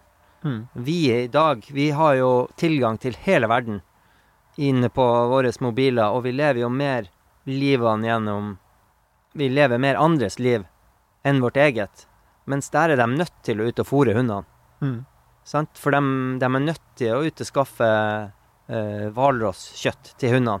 De er nødt til å ut og jakte sel. Mm. De er nødt til å ut med båten for å fiske kveite. De er nødt til å gjøre ting hele året for å skaffe den maten de trenger, for der lever de av fangst. mm, Jakt og fangst og fiske fortsatt. Mm. Det er liksom inntekten deres, det er liksom maten deres, det er den de spiser. Og da, om de er litt inne på Facebook eller har litt sånn uh, Nylandtau eller uh, Mm. de har uh, teflonbelegg på, på, på sledene, så er det fortsatt de, Kulturen er fortsatt bevart, og jeg tenker at de, de er mer i kontakt med seg sjøl og sitt eget liv. Med å, å må høste og leve så tett på naturen uh, som de fortsatt gjør der, da. Mm. Så, så for oss det, var det ganske unikt, og så ga oss mange påminnelser om uh, hvordan er det vi egentlig skal leve, da. mm. Og det Ja, og, og det er klart, i, i TV-serien så er det et ganske sånn ensidig positivt bilde man eh, tegner. Altså I boka så reflekterer du litt mer rundt Altså, det er noe på Jeg tenker at det er noe, både noe veldig fint og noe veldig trist. For at du, du beskriver jo bl.a. alkoholproblemer og det som skjer når man får utbetalt penger hver 14. dag. Så mange drikker opp de pengene før de gjør noe mer. Mm. Eh, det, det, det er en sånn derre eh, Ja. eh, det er veldig fint, og så er det på et vis òg sånn Du ser kanskje konturene at noe er i ferd med å falme. da. Ja, det er jo dessverre sånn. Eh, jeg tror jo kanskje det er liksom noen av de siste uh, ekte jegerne og fangstmenn igjen på kloden, føles det som, da. Ehm, så hva skjer der videre framover, når eh, teknologien og alt innhenter dem, og de ikke trenger å jakte lenger? Hvem er de da, når de ikke har jaktkulturen sin? Mm. Hvem er de? De er avskåret fra alt. Altså, Ja. da du da har de ingenting å drive med. Og det har jo skjedd mange plasser på Grønland. Mens akkurat Kanak Sikkert noen få andre plasser òg, men det kjenner jeg ikke til. Men i hvert fall akkurat der, der driver de faktisk med noe nyttig. Mm. Og de når, Så lenge de inuittene kan bevare den kulturen der oppe, så tror jeg de vil ha det bra. Men med en gang den forsvinner, så, så står de liksom i løse lufta. Og, og man ser jo det at det er noen av dem som ikke er med på, på jakt og på fiske, og som driver så mye som det der. Da er det, da er det alkoholproblemer, ikke sant, og det er jo Det er jo det er jo mishandling av altså Konemishandling er jo et kjent problem der. Eh, Det er barn som går litt sånn for lut og kaldt vann. Um, jeg tror det er verre også andre steder på Grønland. Mm. Um, så det er jo veldig trist å se at de er liksom avskåret fra verden. Og så er de et urfolk som skal egentlig leve av jakt og fiske, og så når de ikke har det, hva har de igjen da? Mm. Det, Ja, og på et litt enda sånn større perspektiv, altså Du fortalte jo at altså eh, Sjøisen kom først omtrent akkurat idet dere kom nord. Til Ja. dit dere skulle være. Ja. Uh, og på en måte hvor hårfint Altså hvis den sjøisen forsvinner, da er jo hele det Eller bare det at den blir der kortere tid. mm. Altså hele den der uh, inuittkulturen på Kanak er liksom avhengig av havisen. At den faktisk kommer. Mm. For det er sjøpattedyr sjøpattedyrene de lever av. Sant? Det er sel, og det er hvalross, og det er narhval. Som de er ute og fangster med kajakker og med båt og sånn. Så når øh, Ja, med hundespann på vinteren, da. Og så når, når den isen forsvinner hva, hva, hva skjer med det? Altså, det der er en liten plass på Grønland Mm. der det der øh, gamle økosystemet fortsatt er intakt. Mm. En bitte liten sånn oase, på en måte en siste skanse Mm. på en måte av eh, jeger- og fangstkulturen som fortsatt er i live. At det er så skjørt med en liten grad endring i eh, temperaturen eh, pga. klimaendringer, og, det, og isen smelter. Det er ikke is i fjorden, fjordene der lenger. Nei. Da dør det ut på sekundet. Ja. Og hva skal de gjøre da? Mm. Det er nesten umulig for dem å tilpasse seg det. Ja, da er du jo på en måte fanga på ei lita landstripe, da, og eh, Så lenge isen der ikke kommer, så har de ikke noe å drive med. Nei. Eh, Jeg så jo på en måte i, i TV-serien så blei jo på en måte Sofus litt sånn symbolet på øh, Er det noen her som tar det her videre? Og så ser jeg jo at boka er jo tilegna til Sofus, som nå er død. Ja. Ja, det, det er ganske ufattelig. Det er ikke så mange uker siden, faktisk, at jeg fikk høre at han var død. Det var Boka skulle sendes i trykken på en mandag. På lørdag får jeg beskjed fra, fra Grønland om at, at Sofus var død. Og han er jo egentlig symbolet på den unge framtida den unge jegeren som kan bringe den framtida videre på, i Kanak. Mm. Um, så det var jo Nei, det var jo Det slo meg midt i hjertet Den. han ble jo liksom en kompis med oss der. Mm. Vi hang jo masse med han, og, og tenkte at er det en vi skal besøke neste gang vi kommer dit, så er det Sofus. Mm. En kulere fyr, det skal man eh, lete lenge etter. Han sa det, at han hadde ingen planer for morgendagen. Han hadde ingen planer for framtida. Så lenge det var sel på isen, så vil han alltid være lykkelig. Hmm. Og det er så fint å ta med seg de tingene der eh, for oss. Og med den holdninga og innstillinga der, så må du liksom ta fatt i hverdagen din. Du må leve hver dag som, som den er. Du vet aldri hva morgendagen bringer. Og det tenker jeg når han nå gikk bort, eh, det jeg fikk høre at han, det var noe mage, problemer med magen. Så hva det var, det vet jeg ikke, men han tror han døde ganske sånn akutt. Men det viser jo hvor skjørt livet er, at du, du må liksom leve hver dag. Du vet aldri hvor fort det ender. Og jeg tror at han, med den holdninga han hadde, så har han levd hver dag optimalt. Han ville ikke gjort noe annet. Han ville ikke vært noe annet sted. Nei, Han- Sjøl om han visste at han ikke skulle bli eldre, så ville han ikke gjort noe annet. Nei. Og det er det ikke mange som kan si på den alderen der. Nei. Nei, det Det er så kult med sånne folk eh, som bare har landa Mm. i livet på den måten der, og det Nei, så jeg anbefaler jo alle å lese litt mer om det i boka, og heldigvis så fikk vi jo slengt med at boka var til han, da. Mm. Så, så den boka har jo vi sendt til familien der oppe, og Mm. det er jo mange fine bilder av han, både i serien og portretterer han jo mer i boka. Mm. Så nei, det, det er sterkt. Det, Ja. det er helt utfattelig at han er borte, liksom. Det, det er veldig, veldig rart. Mm. Det er en del av eh, eventyret er på en måte er på en måte litt ødelagt, egentlig. Ja.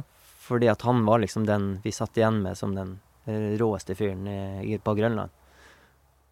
Men eh, det er jo også yngre der som, som kan ta over etter han, da, heldigvis. Det er jo flere veldig unge ungdommer som er interessert i både hundekjøring og jakt. og Så eh, framtida er fortsatt lys i Kanak, da, enn så lenge, så lenge det er is der. Mm. Jepp. Jeg tror vi skal forlate Grønland, for du har jo vært på tur med Jens igjen. Ja, Vi har jo vært eh, hele, tilbrakt hele sommeren i Mongolia. Mm. Det klassiske feriemålet. Ja, det er dit du vil dra der ingen kan engelsk og eh, du blir dårlig i magen av maten. Ja.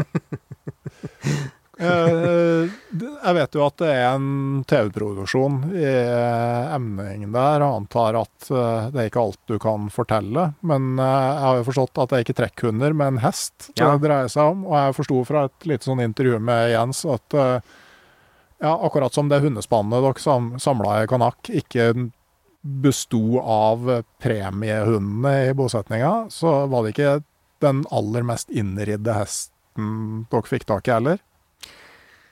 Nei, det var jo ikke det. det, var jo, det er jo villhester. Er mongolske hester er jo på en måte mongolske villhester. Mm. De eh, har dem jo De, de, de er jo ville, sjøl om noen som eier dem. Mm. Så går de jo fritt eh, rundt omkring på steppene der. Og når de skal ha seg en ridehest, så er det å fange dem inn i litt som innhegning, og fange den med lasso. og så er det å å molride den, da, ikke sant, til den liksom roer seg og innfinner seg med grime og sal og alt det der. Så um, Nei, det var jo litt av en eh, et eventyr, det òg. Så det er sykt kult at uh, Jens ville ha meg med på nok en sånn uh, rå tur, da. Ja, har du noe erfaring med hest? Ehm, jeg bor jo på en gård her i Meråker, og det er jo noen år siden så hadde vi faktisk eh, hester her. Så Ja. jeg har litt, ridd litt rundt uh, i Meråkerfjellene med, med egen hest. Ja. Så det begynner å bli noen år siden nå, da, så jeg var jo veldig skeptisk til de hestene, og kjente jeg var oppriktig redd når jeg skulle sette på, på hest for første gang på, på noen år, da. Jeg hadde jo ikke ridd nå, nå for å forberede meg noen ting som helst. Hmm. Sant? Og da uh, var det jo på samme måte som på Grønland, og det var jo ha ansvar for både regi og foto og lyd og historiefortelling. Uh, og ikke være til bry, og ikke være til hinder, og samtidig klare å ri. Så um, dæven. Ja, det var faen meg utfordringa. Det var uh, Jeg var sikker på at jeg skulle dø i starten. Jeg var sikker på at nå blir jeg kasta av. Jeg så for meg liksom Jeg hørte sånn sånn eh, sånn Supermann. Han knakk jo nakken. Ja. Sant? Sjøl han, sjøl han liksom klarte ikke å takle en hest. Eh, så det, alt kan jo skje på en hest. Mm. Plutselig så skvetter den. Sant? Snur den, ikke sant. Klarer man å stoppe det? Altså Alt det der så jeg for meg kunne faktisk skje, da. Vil jeg knuse kamera? Ja, det var Erlend Lo som eh, begynte med ridning, og han bare sa at eh, Unnskyld språket, at altså, det var noe veldig spesielt med å sitte på ryggen til et stort dyr som springer som faen. Og det, så når du får det fortalt på den måten, så får du liksom et litt sånn nytt syn. Ja, ja det er faktisk det man gjør. det, eh, for jeg tenker jo sånn eh, en, en hund er jo ikke større enn at du eh, Du er fysisk sterkere enn den. Ja, det er sant, det. Det er jo Men en hest er jo definitivt sterkere enn deg. Det er liksom 300-400 kilo med muskelkraft, og du har ikke sjans Hvis den bestemmer seg for å stikke eller bite eller gjøre noe med deg, så har den full kontroll på det. Mm. Og det er Ja, det er, det er skremmende. Ja, men eh, TV-serien, er det deg og Jens på tur, eller er det Jens på tur? Det jeg har jo vært veldig bevisst på, og, og det er Jens på tur. det er Jens på tur. Eh, der er jo jeg og like mye ekspedisjonsmedlem som han, men eh, min jobb og på en måte ekspertise, det er jo å få han til å, å være seg sjøl, sånn at Sånn at det, at, eh, at, det, at det er naturlig, som om man filmer seg sjøl, da. Mm. For han har jo reist rundt med eget kamera, vært helt alene mm. og filma seg sjøl. Og det er noe eget, det er eget som skjer når du er alene med kamera. Det er ingen andre til stede, og du prater på en måte som, som er veldig gjenkjennbart når du er helt alene. Og den føler jeg at jeg har klart å få til med å være der sjøl, uten å ta for mye fokus på at jeg er der. Jeg er jo ikke interessert i å være foran kamera. Min jobb er jo å være fotograf. Jeg elsker jo å kunne være bak kamera og gjøre en best mulig jobb i historiefortellinga, og at uh, det foran kamera skal eh, oppføre seg naturlig, Mm. og helst nesten late som at det skal se ut som at han nesten er alene, da. Og, og han er jo så flink til å prate til kamera. Mm. Så her er jo litt et lite grep er jo at han ser i kamera, og jeg er tett på han, sånn halvmeter, 20 centimeter unna ansiktet hans, helt oppi. Ja, du får selfie-feelingen. Selfie-feelingen, sant. Det var liksom grepet vi gjorde både på Grønland og her. Og han stirrer rett inn i kamera, og han ser rett inn i seeren som sitter hjemme i stua. Mm. Så det er liksom effekten eh, vi prøvde å få til. Men, men de facto, da, hvis man skal være litt pirkete, så, så er det jo på en måte en fordreining av den reelle historien. For det er jo dere to som er på tur. Ja. ja, det kan jo si at det er da nå, på en måte, ja. Ja. men eh, men eh, altså, vi- er jo vant til å se TV-programmer som er produsert av produksjonsselskaper, og alt som går på TV, der er det, som jeg har nevnt tidligere, et stort crew bak. Mm. Og på en måte seeren er innforstått med at det er det, da. Og du tenker ikke så mye over det, men det blir kanskje veldig tydelig når du er, når det er bare han, og du skjønner at det, At det er én person er til der. en person der. Eh, men jeg tenker det er jo Det er jo egentlig heller til absolutt en fordel. Uh, jeg tenker det er jo si det, min, min litt ekspertise innenfor det her feltet med å være turmann og friluftsmann og hundemann, det er jo at jeg tar ikke bort noe mye av eh, Jeg tar ikke noe oppmerksomhet bort fra produksjonen. Jens han kan fære på tur uten å tenke på om jeg fryser, f.eks. Mm. Sånn, Han trenger ikke å spørre om jeg er våt på føttene, om jeg hjelper meg å tørke sokkene i koia. Sånn, Alle de tingene der er helt naturlig for meg. Og da slipper Da kan han også være seg sjøl. Slippe seg helt løs. Sjøl om vi er sammen på tur, og vi, vi, vi snakker sammen om alt mulig off cam, ikke sant, som to kompiser på tur. Mm. Men, eh, men da er det jo å spille Også spille han god og hjelpe han til å, å kommentere de tingene som har med historien å gjøre. Mm. Sånn at han skal slippe å, å hele tida tenke på det. Sant? Mm. At han kan være Han kan møte de folkene på ekte. Og være ekte nysgjerrig og observere på helt på ekte.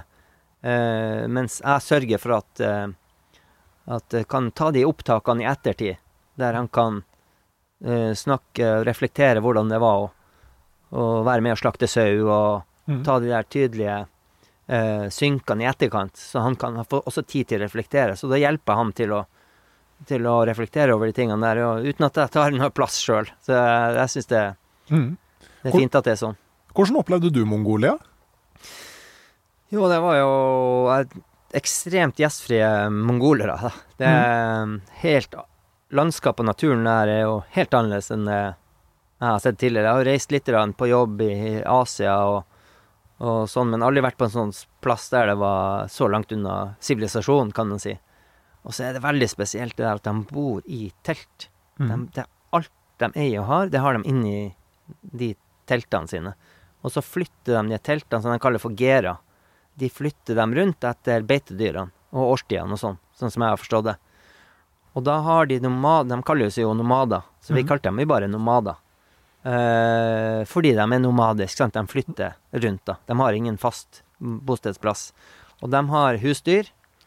Det er ca. 100 husdyr til sammen. De har liksom hester, de har kyr, de har sau, og de har geiter. Og det er liksom beholdninga deres. Det er liksom banken deres. Mm. Og så har de så at de hadde et par sekk, 50 kilo sekker med mel og ris. Mm. Og så litt sukker og salt.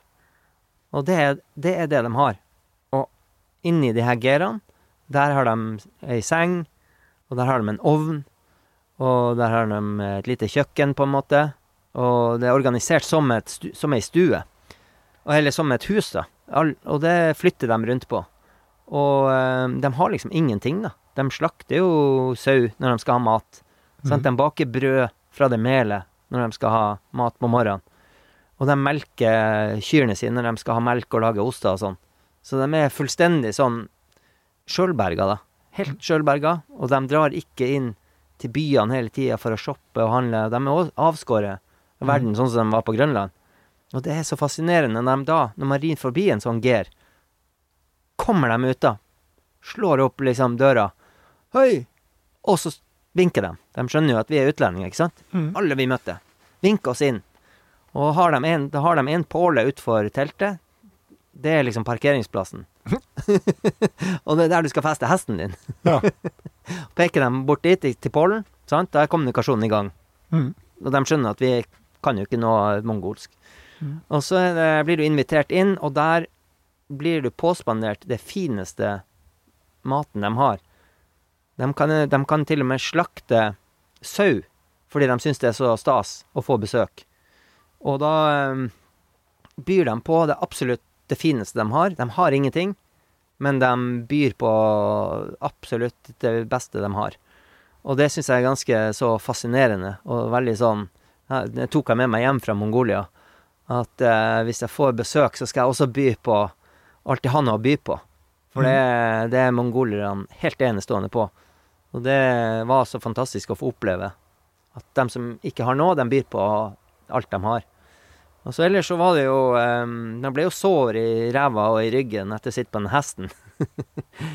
det, det var jo krevende med å ha en tung sekk med fotoutstyr og drone og kamera og linser og og så, men eh, vi, vi ble jo veldig sterke, tror jeg, i både rygg og lår og bein etter liksom flere hundre kilometer på, på hesteryggen. Um, men det var um, Det var veldig Og så kom vi jo inn til de her eh, på en måte mongolske samene. Det satanfolket som var igjen sin, sitt store mål med turen, da.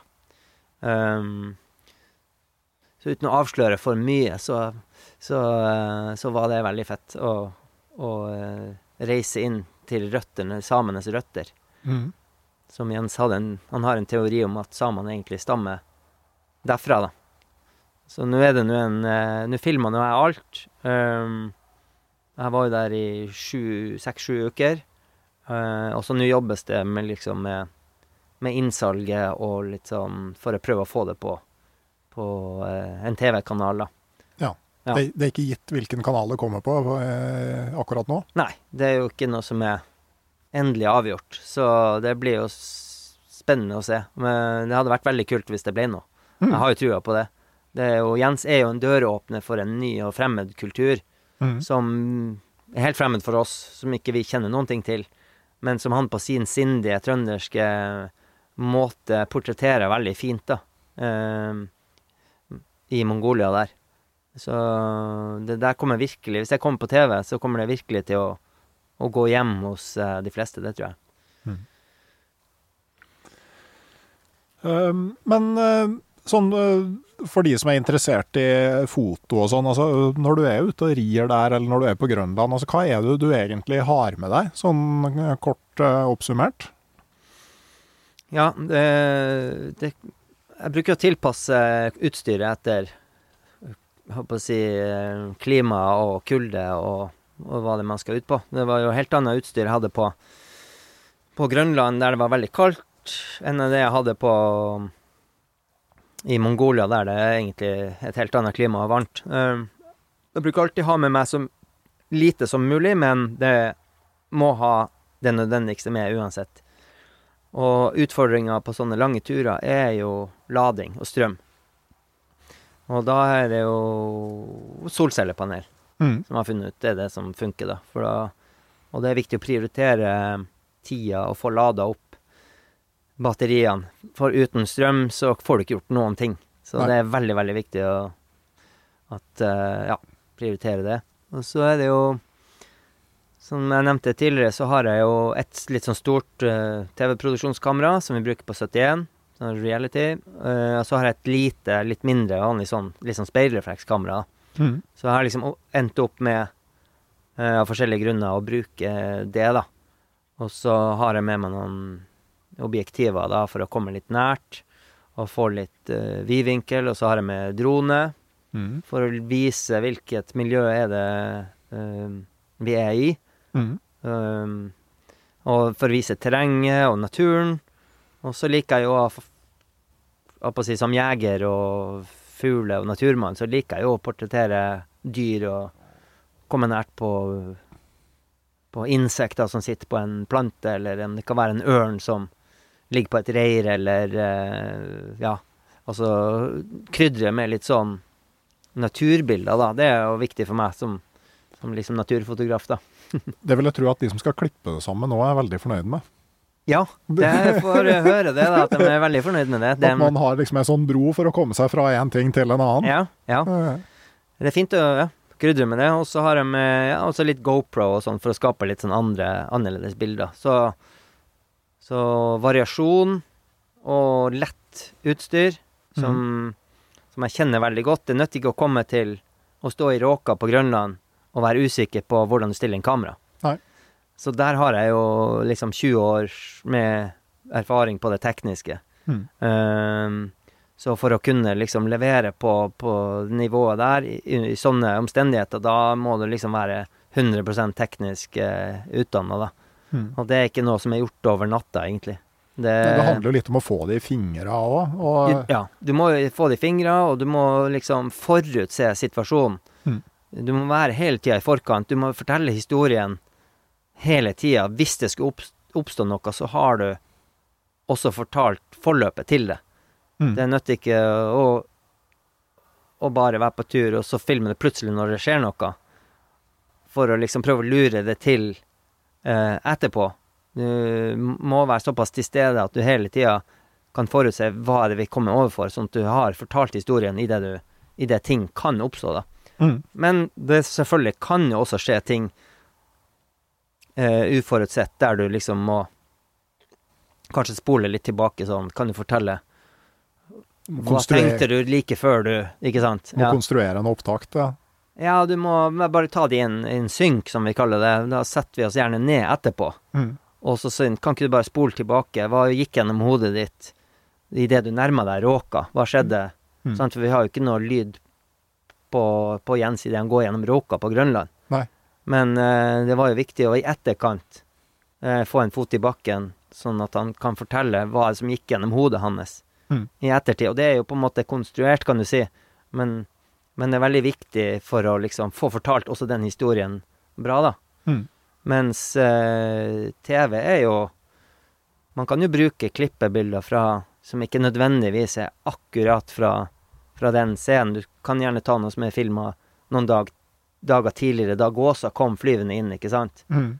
Så det er liksom lov å mikse litt sånn naturbilder og se som tidløse ting. Mm. Så, men i hovedsak så er det å fortelle historien der og da, og være såpass godt forberedt at du hele tida har sånn, materiale nok, da. ja, litt sånn som en fiskefilm, sånn fluefiskefilm, så egentlig så bør du få to omtrent like store fisk på samme sted for å få en god scene. Ja, ja det er sant. Ja, sånn at du har de forskjellige utsnittene å klippe mellom. Ja. ja, ikke sant? Ja. Det, eh, jepp. Men jeg husker jo det var Galen Rowell, Øh, veldig øh, sånn Han kalt seg sjøl for eh, deltagende eh, sånn adventure-fotograf. Og det er jo litt sånn der du opererer òg, ikke sant? Du skal dokumentere noe du sjøl deltar i. Nettopp. Ja. Eh, han var klatrer og sånn. Men han sa jo om det her med utstyr at det var liksom på en måte eh, At det var ofte et større problem at du hadde for mye utstyr enn at du hadde for lite. Han dro ut på assignment for National Geographic med ett kamerahus og to objektiver. Ja, det er det samme som meg, det. En tj- Det 20 mm høres kjent ut. vidvinkel og en telesom. Ja, riktig. Det er helt riktig. Ja, ja, ja. ja. Nei, for det er jo noe med det her, altså er jo Sånn øh, Nå er det greiene mine på et litt annet nivå enn det du driver med. Men øh, du merker jo at hvis du laster deg med for mye utstyr, så kan du risikere at du blir stående og lure på ja, hva bruker jeg for å løse det her, Ja. i stedet for å rett og slett løse det. Eh, og og det, er, det er en dårlig, et dårlig sted å være på vei. Det der, du må vite hva som funker til enhver tid. Mm. Du må, du må aldri være i tvil, liksom. Jeg skal velge det eller velge det. Du må ha det såpass i fingrene Mm. at du vet akkurat hva er det som funker best til enhver tid. Mm. Og, Så funker det jo alltid bedre å liksom gå på situasjonen med det du har for henda. ja, enn ja, å ja, stå ja. med to objektiver i hendene og et kamerahus uten objektiv mens situasjonen utspiller seg. Ja. Det- ja, ja du, det er jo bedre å få det enn å liksom tenke seg gjennom om du burde gjort det sånn eller sånn. Så må du bare få det. Det er viktig, det. Og det er viktig å være i nuet på sånne turer. Mm. Det er det. At Mm. du liksom uh, kan uh, slippe alle planer og, og sånn som du har sett for deg, sånn, og heller bare la det utspille seg, uten å bryte for mye inn. Mm. Men jeg tenker på uh, Da du padla back, så som du sier, tidlig i 20-årene, verden for dine føtter, og ingen forpliktelser, tenker jeg. Du hadde ikke ansvar for noe eller noen eller noen ting da du var der ute. Nå er du jo Du har familie, unger, hunder, gård. Ja. Får du den samme følelsen når du er ute på Grønland med Jens og Isak, eller i Mongolia med Jens, som på back? Eller gjør på en måte det at livet ditt har endra seg, at man aldri kommer helt dit hvor du finner den derre fullstendige Hvor du kommer helt i ett med ting, som jeg tenker dere var på back. Det siste er nok det mest riktige, ja. Eh, men eh, jeg ser det mer sånn at det eh, Jeg ville jo aldri vært eh, foruten den, den opplevelsen det er å ha eh, noen å komme hjem til. Eh, er jo er jo Jeg syns det er Det er jo en naturlig del av utviklinga i livet, men det er veldig stort å tenke på de hjemme og se at de også eh, interesserer seg for å være ute på tur og kunne ta med de på turer. Så det som er sånn gjentagende for meg når jeg er på sånne eh, lange turer langt hjemmefra, det er jo at åh, her skulle jeg hatt med ungene. Her skulle jeg hatt med ungene. Og det er kanskje når når ting er litt vanskelig på tur, og du føler at du burde vært hjemme, eh, og fulgt opp de hjemme, da, de, da er det det som slår inn. Jeg skal tilbake til Mongolia og så ta med ungene på ridetur. Um, og det er heller det jeg tenker på, enn at jeg savner det livet uten forpliktelser. Men ehm, jeg får jo det òg, kan du si, gjennom mm. å være på Grønland. Så får jeg jo gjenoppleve den der uh, uforplikta uh, liksom ungdomstida, da, eller tidlig 20-årene. Det er jo litt sånn stemning når man er på en sånn guttetur, da. Mm. Så eh, man får, jeg, jeg føler jeg får gjenopplevd det, så jeg får jo liksom min dose gjennom jobben. Men uh, jobben har også fått meg til å reflektere over hvor viktig det, er, det jeg har hjemme, er. Mm. Jeg har reist rundt veldig mye liksom overalt, og får liksom stadig påminnelser om hvor sykt godt jeg har det hjemme. Så jeg ville ikke vært noe annet sted. Når jeg er hjemme, så ville jeg ikke vært noe annet sted enn hjemme. Mm. Og um, når jeg er på tur, så det, da er det der jeg vil være. Mm. Um, og når jeg kommer hjem igjen, så er det å ta med ungene rundt omkring på tur. Og, og, um, men jeg skjønner hva du mener. Man tenker jo tilbake på den tida der man var uten forpliktelser og sånn. Mm. Um, Men uh, gjør som Sofus, da. Og leve dagen der du er. det er akkurat det. Det er akkurat det, og det er akkurat det jeg gjør, og det har vært et bevisst valg for meg, da. Mm. fra tidlig at jeg vil, eh, jeg vil leve det livet jeg har lyst til å leve. Mm.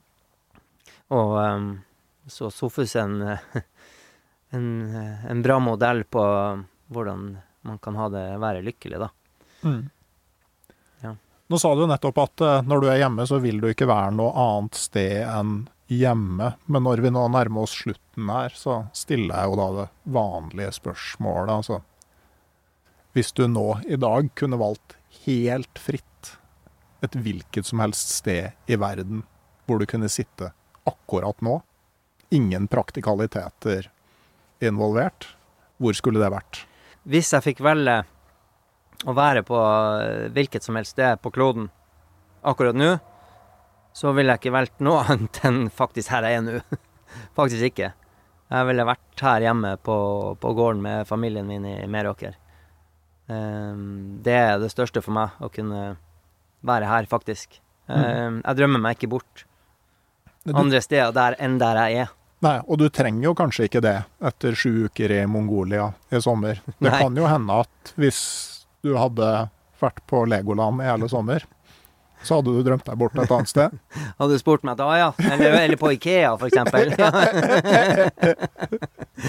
da ville det vært eh, hvor som helst andre plass. Ja. Men jeg savner jo Jeg savner jo eh, jeg, jeg tenker jo ofte over den der eh, uforplikta tida man har som ung 20-åring, der du kan bare legge i vei, og du vet aldri når du kommer tilbake, eller Jeg tenker jo ofte på det. Eh, men det største for meg er jo å ha familien min hjemme, og komme tilbake til de. Mm. Og ta med de på tur, og de nære tingene med familien, da. Mm. Men vi kan jo la det Nå, er jo gjennomsnittsalderen på lytteren i podkasten Uteliv eh, relativt høy. Eh, men for dere som da er tidlig i 20-årene, så vi bare husk det. Nå har du alle muligheter, og jeg gjentar igjen. Har du uendelig med tid, så trenger du veldig, veldig lite penger. Og trenger du litt mer penger, så er gåsejakt løsningen. Veldig bra. Jeg lurer Jeg støtter den. ja, så, så stiller vi ikke spørsmål om hva Mattilsynet egentlig ville tenkt om, eh, om den aktiviteten der. OK. Uh, tusen eh, takk for at uh, jeg fikk komme på besøk her i Meråker, Øyvind.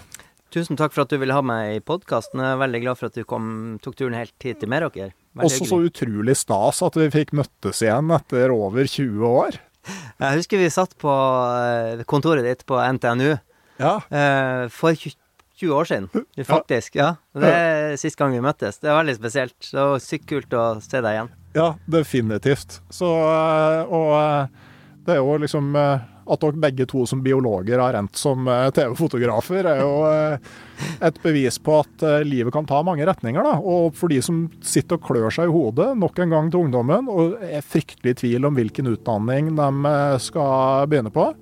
Så altså, biolog kan bli TV-fotograf, og metallurger kan bli podkastere. Sånn at eh, bare begynn et eller annet sted, og så tar livet en, en retning etter hvert.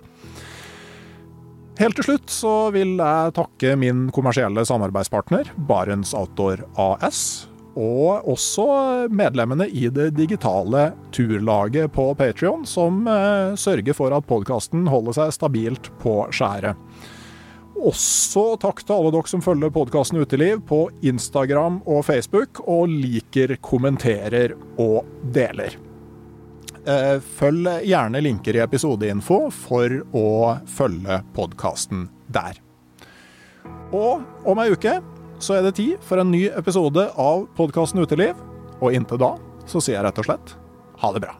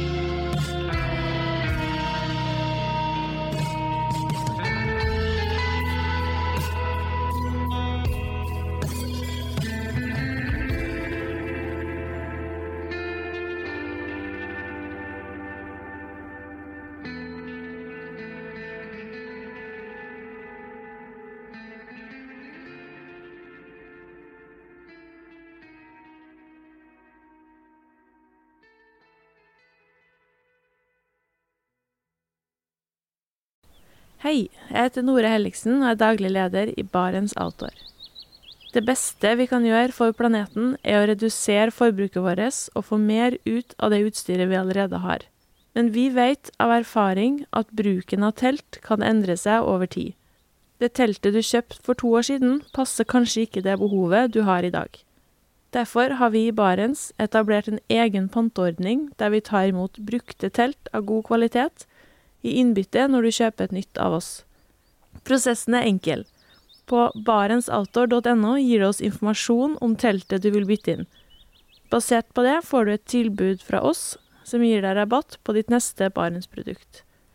Mer info og betingelser finner du på barentsoutdoor.no.